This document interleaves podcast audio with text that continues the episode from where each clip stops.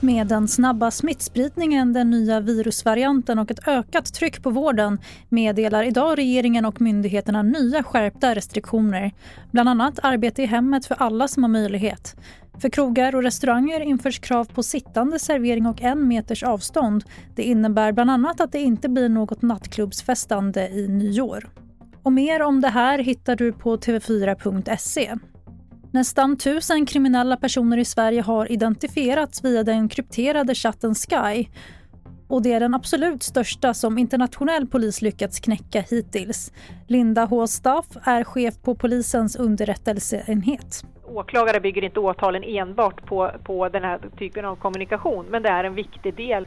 Och vi avslutar med att berätta att en flygavgång ska anses vara inställd om den flyttas framåt mer än en timme enligt EU-domstolen. Beslutet kan innebära att det blir lättare för resenärer att få kompensation vid försenade flygresor.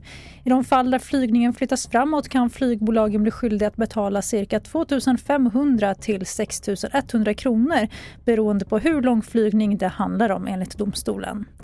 Fler nyheter hittar du i TV4 Nyheternas app. Mitt namn är Tannas Edalat.